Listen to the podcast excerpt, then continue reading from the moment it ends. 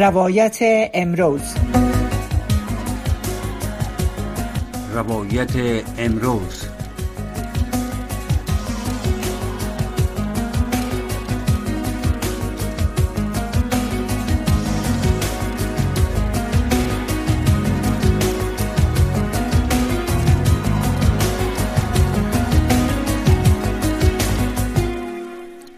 سلام شنوندگان عزیز به برنامه روایت امروز از رادیوی آشنای صدای امریکا شما را خیر مقدم می‌گویم شنوندگان عزیز در حالی که کنفرانس اقلیم کاپ 28 در دوبه جریان دارد ملل متحد یک بار دیگر به وضع محیط زیست افغانستان گزارش را به نشر سپرده و در طی گزارش گفته شده که افغانستان یکی از کشورهایی است که به شدت آسیب دیده از تغییرات آب و هوا یا اقلیم است و کمترین مسئولیت در برابر این تغییرات اقلیم در, در دنیا داره.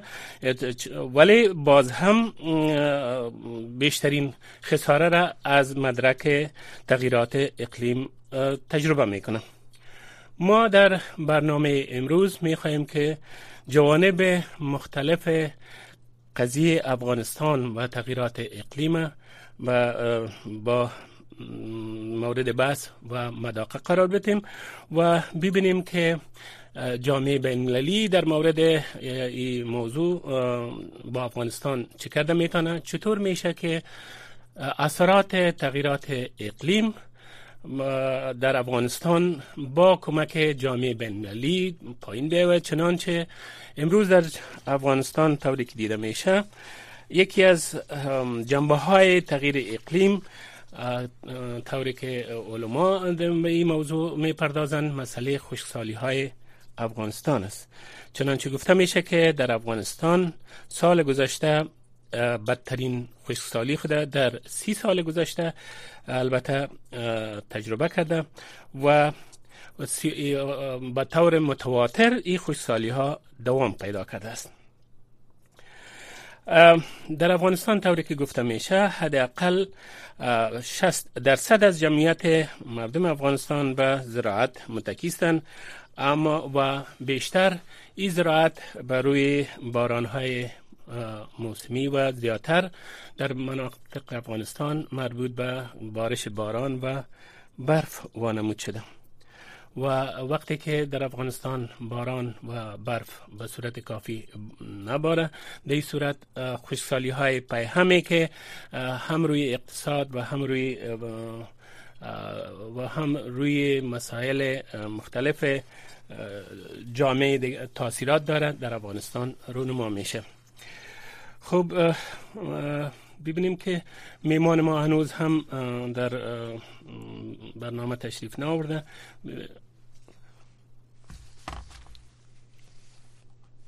خب ببینیم که اونا را در خط تلفن داریم و اگر اونا میشنون که میشه که اونا تلفنی که از طرف میشه گوشی را بردارن. خب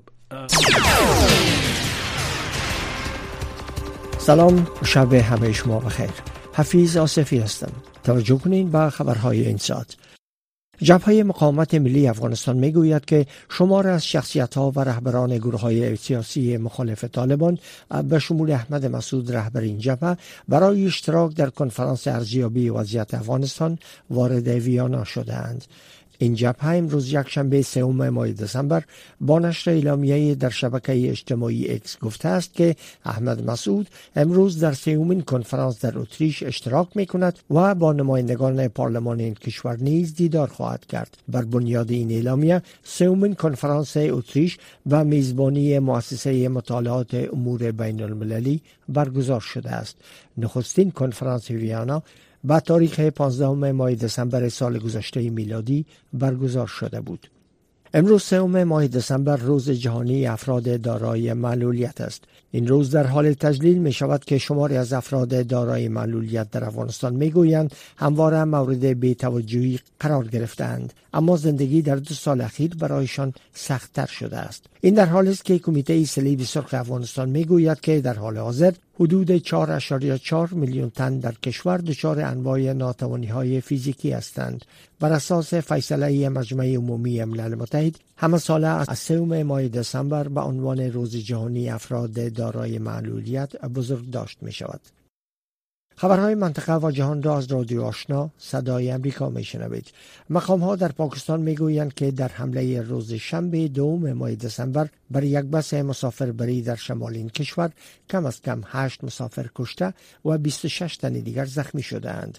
عارف احمد یک مقام پلیس در ساحه گفته است که این بس مسافربری در شهرهای قراقرم که پاکستان را به چین وصل می کند به سوی راولپندی در حرکت بود و گفت که پس از حمله راننده کنترل بس را از دست داد و با یک موتر باربری تصادم کرد گرچه این مقام پلیس در مورد سایر سرنشینان بس چیز نگفته اما تایید کرده است که دو تن از کشته شدگان سربازان اردوی پاکستانند. این رویداد در شهر گلگیت رخ داده است. بر اساس گزارش ها فرد مسلح سوار بر موتورسیکل بود و پس از گلوله باری از ساحه فرار کرده است. اردوی اسرائیل روز یک شنبه دستور تخلیه مناطق بیشتر را در خان یونس دومین شهر بزرگ غزه و اطراف آن را در حال صادر کرد که حملات تهاجمی نیروهای آن کشور به نیمه جنوبی سرزمینی که گفته می شود بسیاری از رهبران حماس در آنجا پنهان شده اند. تمرکز کرده است. بمباران سنگینی در شب یکشنبه در منطقه خانیونس و شهر جنوبی رفح و همچنان بخشهایی از شمال که حملات هوایی و زمینی اسرائیل در آن متمرکز بود گزارش شد. بسیاری از جمعیت دو اشاری سه میلیون نفری این منطقه پس از آن که نیروهای اسرائیلی در روزهای نخست جنگ دو ماهه به غیر نظامیان دستور دادند شمال را ترک کنند در جنوب تجمع کردند. اوکراین روز یک شنبه تحقیقات را در مورد آنچه که به گفته آن کشور اعدام دو اسکر اوکراینی غیر مسلح توسط نیروهای روسیه است آغاز کرد که آن دو قصد داشتند خود را تسلیم کنند. جزیات بیشتر را از رویا زمانی می شنوید مقام های اوکراینی این حادثه گزارش شده را به عنوان جنایات جنگی محکوم کردند. تا کنون مسکو هیچ واکنش در این مورد نشان نداده است روز شنبه ویدیوی کوتاهی که صحت آن توسط خبرگزاری فرانسه تایید می شود در تلگرام منتشر شد که نشان می دهد دو مرد از یک پناهگاه بیرون می آیند یکی با دستانش بالای سرش و در مقابل گروهی دیگری از سربازان روی زمین دراز می کشد. و دنبالان قبل از اینکه ویدیو به طور ناگهانی قطع شود به نظر می رسد گلوله صورت گرفته و دود بلند می شود. دفتر سانرولی در شرق اوکراین در منطقه دونست گفت که بر اساس معلومات اولیه این تصاویر در نزدیکی دهکده استیپو قریب به اودیوکا یک شهر شرقی که درگیری در آن جریان دارد فیلم برداری شده است ادامه خبرها. امانوئل مکرون رئیس جمهور فرانسه روز شنبه دوم ماه دسامبر گفت که در مورد سرگیری درگیری ها در غزه بسیار نگران است و برای کمک به تلاش ها جهت بازگرداندن آتش بس بین اسرائیل و حماس راهی قطر شده است. مکرون در کنفرانس بین المللی اقلیم در شهر دبی امارات متحده عرب گفت که برای دستیابی به آتش بس دائمی در غزه باید تلاش ها دو برابر شود و همه گروگانان آزاد شوند. با وجود اینکه بنیامین نتانیاهو صدر اعظم اسرائیل گفته تا رسیدن به اهدافش در غزه خواهد جنگید رئیس جمهور فرانسه از این کشور خواست تا اهداف خود را در مورد حماس روشن کند. و وزیر داخله فرانسه گفته است پلیس آن کشور مرد را که شنبه شب آبران را در پاریس هدف قرار داده بود دستگیر کرد. او یک گردشگر آلمانی را با چاقو کشت و دو تن دیگر را مجروح ساخت. پلیس این مرد را که یک شهروند 25 ساله فرانسوی است دستگیر کرد. ژرال درمنن وزیر داخله فرانسه گفت که مهاجم پس از دستگیری از مرگ مسلمانان به طور خاص در افغانستان و سرزمین های فلسطینی ابراز ناراحتی کرد و مدعی شد که فرانسه شریک جرم است. درمنن افزود که مهاجم ظاهرا فریاد الله اکبر را سر داده است. با این اخبار تا این ساعت از رادیو آشنا صدای امریکا. خب شنوندگان عزیز ای بود اخباری. ساعت که شما شنیدین حالا دوباره با برنامه برمیگردیم.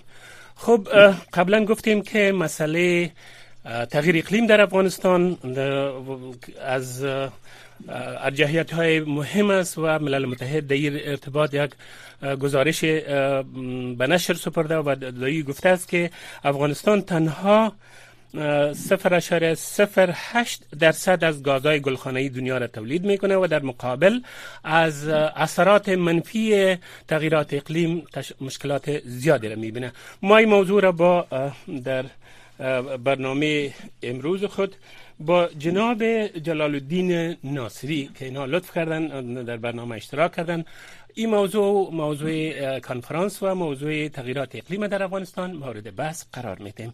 جناب ناصری صاحب به برنامه خوش آمدین. تشکر از اشتراک شما در برنامه.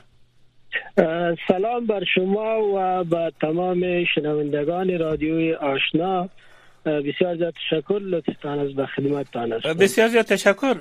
جناب ناصری صاحب شما خبر دارین که کاپ 28 امیال در دوبه جریان داره و یکی از موضوعات و مسئله بسیار مهم در جهان تلقی میشه که به هزارها نفر اوجا اشتراک کرده و امی موضوع را مورد بررسی قرار میده و برنامه های وسیع دارن. ولی طوری که ما آگاه شدیم متاسفانه از حیعت از افغانستان دی مجمع بزرگ از مسئله جهانی اشتراک ندارم. خب ای, ای به نظر شما ای چقدر جای جای عزیز که ای چقدر این مسئله بر افغانستان مهم است و ای یک نماینده افغانستان در وجود نداره. در حالی که در سالهای گذشته در وقت گذشته خوب از اعضای فعال این کنفرانس بود. به نظر شما موضوع امی کنفرانس شما انشالله تعقیب کرده باشین که روی کدام موضوعات صحبت می‌کنه یا چطور؟ بله دقیق است ما این کنفرانس از روزی که شروع شده تعقیب می‌کنم بله و طوری که شما گفتین یکی از مشکلاتی که رابطه افغانستان با این کنفرانس بیان می‌کنه و عبارت بله. از عدم اشتراک حیات افغانستان است بله, بله. این نه تنها که در این کنفرانس متاسفانه ما از افغانستان نماینده نداریم بلکه در دو کنفرانس قبلی که در دو سال گذشته به انگلستان و به مصر بود همچو کنفرانس یعنی کاپی 26 و کاپی 27 در بله. هم ما نماینده نداشتیم. ضرر از به افغانستان فوق العاده تلقی میشه. ما به نمایندگی از افغانستان در کنفرانس های قبلی از 2015 به بعد سهم فعال داشتیم. بله. که در این سهم فعال نماینده های افغانستان ادارات زیربط افغانستان روی دو موضوع تمرکز داشتن موضوع بله. اول ای بودن که از کدام روزنه و کدام سکتورها در افغانستان از اثر تغییر اقلیم زیاتر متاثر است ایره در یک سند مشخص دولت قبلی افغانستان تدوین کرده و به سازمان ملل متحد در بخش تغییر اقلیم ایره تقدیم کردن بله. موضوع دیگه که به افغانستان فوق العاده ارزش داشتن چون از سال 2015 تا سال 2023 که امی ایره به نام دوره آمادگی به خاطر مبارزه علیه تغییر اقلیم یاد می‌کردن. که در این دوره دولت افغانستان نیازمندی های خود طی پروژه های متعدد تدوین کردند که بالاخره اینمی خلایی که به میان میآید مردم افغانستان مسائل تغییر اقلیم افغانستان در حقیقت در یک خلا واقع میشه بله. این یکی از مشکلات های اساسی به مردم افغانستان به میان خواهد آوردن. ولی انوز هم مردم افغانستان فرصت را داره شما ببینید در کنفرانسی که به دوبای امین حال جریان داره در ایجاب بالاتر از افتاد هزار نفر از سراسر دنیا جمع شده. بله. ولی افتاد هزار نفر کلش نمانده های دولت نیستن که اونا روی مسائل متعدد صحبت خواد کردن. بلکه در اینجا نماینده های مؤسسات غیر دولتی نماینده های نهادهای اکادمیک نماینده های جامعه مدنی مهمتر از تمام مسائل نماینده های کسایی که در تجارت و در بزنس به سطح بین المللی اونا شرکت دارن شرکت خواهد کردن این در حقیقت یک چانس است به کسانی که اونا به نمایندگی دولت افغانستان دولت کنیز بلکه گروه طالبان افغانستان. اونا نه بلکه به عنوان یک عضو فعال میتونستند که شرکت بکنند. و در صدای مردم افغانستان بلند میکردن تا نهادهای متعددی که در مسائل تغییر اقلیم فعال هستند. توجهشان طرف افغانستان جلب شد خب ناصری صاحب دلیل مشکل چی بود که در گذشته می شد و امسال امسال سوم سال است که بعد از به قدرت رسیدن طالبان این کار صورت نمی‌گیره. مشکل در کجاست که اشتراک شدن صورت گرفتن نمی‌تونه؟ مشکل بسیار واضح است. بله. مشکل امو مسئله تحریم عمومی است و مسئله عدم مشروعیت گروه طالبان به سازمان ملل متحد است. چون وقتی که در سال 2021 تغییرات یا سقوط در وقتی به میان آمد که بعد از او بسیار زود کنفرانس تغییر اقلیم در انگلستان برگزار شد که بعد از اونمو وقت کنونسیون تغییر اقلیم در چارچوب ملل متحد عضویت افغانستان به تعلیق در آورد.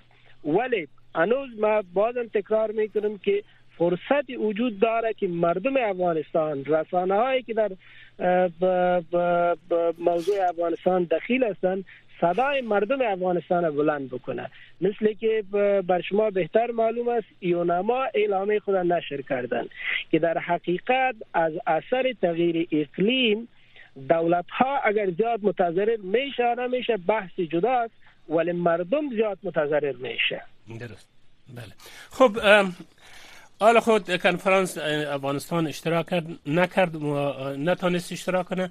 امید است که پیامدش باز بر افغانستان اینطور نشه که موضوع افغانستان هیچ در از این بهره نبره. حتما انشالله بهره خواد برد برای که بعد از بعد از که نتایج کنفرانس معلوم شد من نگرانی ما به ای است بله. که خدای نخواسته کشورها و دشمنای ابدی افغانستان. اونا از این موقع استفاده نکنه و استفاده به نفع خود نکنه. بالاخره فرصتایی که به مردم افغانستان به سطح جهان وجود داره و او را کشورها به نفع خود جلب نکنه و در اینمی خلایی که به میان آمده از این به نفع خود استفاده نکنه. خب این نشد. یعنی کنفرانس اشتراک نکرده. این ما میگردیم پس به خود افغانستان. خب ساحاتی که از اثر تغییرات اقلیم در افغانستان بیشتر متاثر شده کدام ساحات است و ای آیا مطالعه صورت گرفته که تغییرات اقلیم در افغانستان روی کدام سکتورات تاثیر داشته؟ آیا این مستندسازی هم شده در افغانستان یا خیر تا حاله؟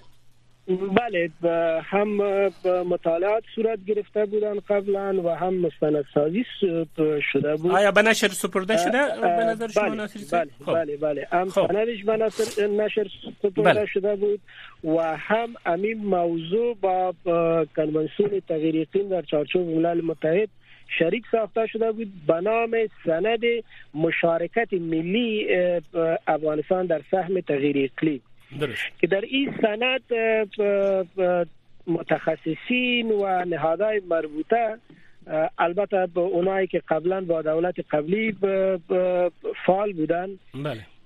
سه سکتور اساسی در افغانستان متضرر شده. که سکتور زراعت، سکتور آب و خود جوامع. این سکتورهای هستند که فوق العاده در افغانستان متضرر است و تغییر اقلیم از راه خود روی ازی وارد کرده. درست. خوب از تا حالی که از دی چند سال از این کنفرانس های متعددی که در صورت گرفته این نتایج بر افغانستان از او زمان تا حال چی بوده؟ آیا تانسته به صورت درست مشکل افغانستان تبارز بده و توجه جامعه بین را به او جلب کنه یا خیر؟ بله طوری که ما قبلا بر شما گفتم بله تشخیص سکتورهایی که از ناحیه تغییر اقلیم متضرر است از نظر تکنیکی فوق العاده کار دشوار هستند که خوشبختانه در افغانستان این سکتورها تشخیص شده بود و در کنار از این اولویت بندی افغانستان یا خب. اولویت بندی هر کشور بله. دولت افغانستان این اولویت بندی خود کرده بودند که ما در کدام بخشا به کدام وسایل و به کدام کمکان نیاز داریم که در حقیقت اگر ما امی مسئله تحریم رای حل برش پیدا کرده بتانیم ما مطمئن هستیم که افغانستان می‌تونه به منابع خوبتر دسترسی پیدا بکنه دلیل شمی است که افغانستان یکی از جمله کشورهای هستند که از نظر مسائل تغییر اقلیم البته در به وجود آوردن تغییر اقلیم سهم بسیار پایین داره طوری که شما قبلا در گزارشتان یادآوری کردین که صفر اشاریه صفر اش فیصد بله. سهم داره. و بالمقابل از جمله کشورهای هستند که در بعضی از راپورها در درجه ششم و در بعضی از راپورها در درجه اشتم ایره بیان کرده که از نظر تغییر اقلیم متضرر است. خب. یگانه مشکل را که بله. ما داریم او عبارت از مشکل ظرفیت سازی است ظرفیت ها بله که نه تنها او ظرفیت هایی که در, در گذشته بود متاسفانه اکثر از ظرفیت ها هنوز در, در افغانستان و در حکومت شامل نیستن یک منزله دیگه است. به نظر شما راستی مسئله ظرفیت چطور خواهد شد؟ فوق العاده یکی از مسائل نگرانی است. ما خوب بیاد دارم. بعد از سال 2015 روی مسائل ظرفیت سازی با همکاری با دوستای بین المللی در افغانستان کارهای بسیار خوبی به صورت گرفت. درست. حتی این نهادی که به خاطر ظرفیت سازی ساخته شده بود با وزارتخانه ها و ادارات مربوطه کار کردند تا اونا را از امی فرصت آگاه بسازه و توانمند بسازه. در حقیقت اینمی حلقی زنجیر آل سکلیده. من نگرانیم به این است که اگر تمام مسائل در افغانستان به حالت نارمل بیاید هنوز هم ما با مشکل ظرفیتی مواجه هستیم. که یکی از نگرانی های هستند که باید هم جامعه جهانی و هم متخصصینی که در سکتور تغییر اقلیم هستند به این نقطه توجه, توجه جدی داشته خب بف... ناصری صاحب برای مرزی وقت ما کم مانه فقط همین قدر ما فعلا به این حالت و به وضعیت قرار داریم. به نظر شما کارهایی که انجام بیافه خصوصا میشه که از طرف حکومت فیلی افغانستان که فعلا اداره به دست طالباست شما حداقل چه تجاویزی را برزی که افغانستان دوباره یعنی باز هم در صحنه بین ظاهر شود؟ افغانستان دوباره در محراق توجه قرار بگیره. مشکل افغانستان مشکل محیط زیست تغییر اقلیم در افغانستان دوباره مورد توجه قرار بگیره و برش فند مورد ضرورت یا پولای مورد ضرورت برای پروژه های مربوط به تغییر اقلیم دوباره آغاز شود. شما چی تجاویزی را پیشکش می‌کنید؟ با الفاظ بسیار واضح ما سه راه را پیشنهاد میکنم. راه اول اداره افغانستان که در دست طالباست بله. از هر روزنی که میشه از دیپلماسی فعال استفاده بکنه و با مسائل تغییر اقلیم با امی خلایی که به میان آمده ایره برداره نقطه دوم نهادهای مربوطه که در مسائل تغییر اقلیم دخیل هستند چه مؤسسات داخلی در افغانستان است چه مؤسسات بین المللی چه متخصصین هستند. اینا با یک صدا مسائل تغییر اقلیم بسیج بسازه و اقدامات خود جدیتر بسازه.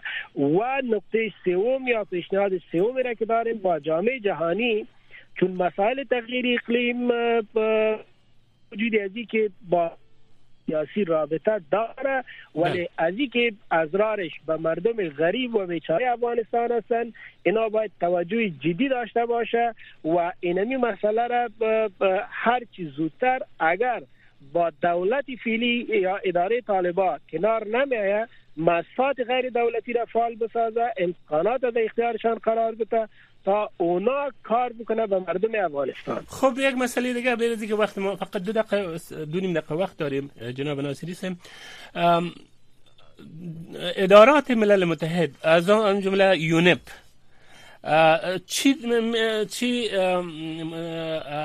در قسمت امی مسئله تغییر اقلیم در افغانستان چی نوع یک مسئولیتی دارن که اونا در خلای نمی وظیف در خلای که در سر تحولات سیاسی در افغانستان به وجود آمده. اینمی خلال یونپ تا اندازه پر کنه. آیا این کار خواد کرد یونپ و تا اگر کرده چی کار انجام داده؟ یکی یکی از بدبختی های دیگه که متاسفانه مردم افغانستان به او مواجه شدن بله. همزمان با سقوط فعالیت یونپ در افغانستان پیش از سقوط تکمیل شده بود و اونا دفاتر خود بیرون کرده بود. البته او رابطه با تحولات نداشتن امومیشنشان که بودن او تکمیل شده بودن.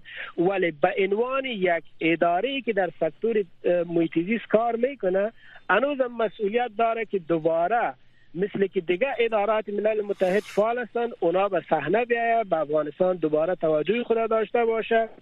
اما فکر می‌کنم یگانه اداره ای که بتانه به شکل فعال رول خود بازی بکنه. عبارت از یونپ است که اونا دوباره فعالیت خود به افغانستان مثل که در سال 2001 و دو آغاز کرده بودن دوباره بله. آغاز بکنن. خب شما وضعیت فعلی افغانستان حتما از رای دورم در, در نظر دارین.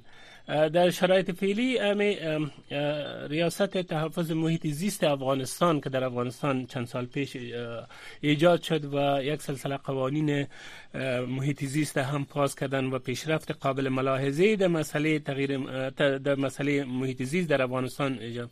شما فعلا وظایف و کارهای را انجام میتن یا از نظر فعالیت شما چگونه اونا را فعلا ارزیابی می‌کنین؟ آیا کدام سهمی دارند وضعیت فعلی یا خیر؟ ببینن عادل صاحب بحث اداره ملی حفاظت محیط زیست و مشکلات به سطح اداره بله. و این خیلی مشکل است که ما را بررسی بکنیم. بله. در حقیقت مشکلات خیلی کلان است به سطح مملکت و او اداره دستش بسته است. درست. مثلا اونا نمی‌تونه که اقدامات بالاتر را انجام بده بجز از که یک اعلامی را صادر بکنه چون چیزی در اختیار نداره. درست. خب جناب ناصری صاحب از که شما را بسیار در ناوقت از ما در موضوع در برنامه کمی ناوقتر آمدین و متاسفانه ما گپای زیاده می‌خواستیم بحث کنیم ولی ما انشالله در آینده روی موضوعات صحبت می‌کنیم. با برنامه های بیشترتر. تشکر از اشتراک شما. بله. بخیر باشید خب تشکر از اشتراک شما. خب شنوندگان عزیز این برنامه ما که شما شنیدین روی تغییرات اقلیم در افغانستان و همچنان کنفرانس تغییر اقلیم که همین اکنون جریان داره و روی موضوعات مختلف بین ملی صحبت می‌کند. ما مورد بحث قرار دادیم. این برنامه ما در همین جا به پایان می‌رسه. تا برنامه آینده شما را به خداوند بزرگ و یکتا میسپاریم. با امید باز هم همینطور برنامه آینده. تشکر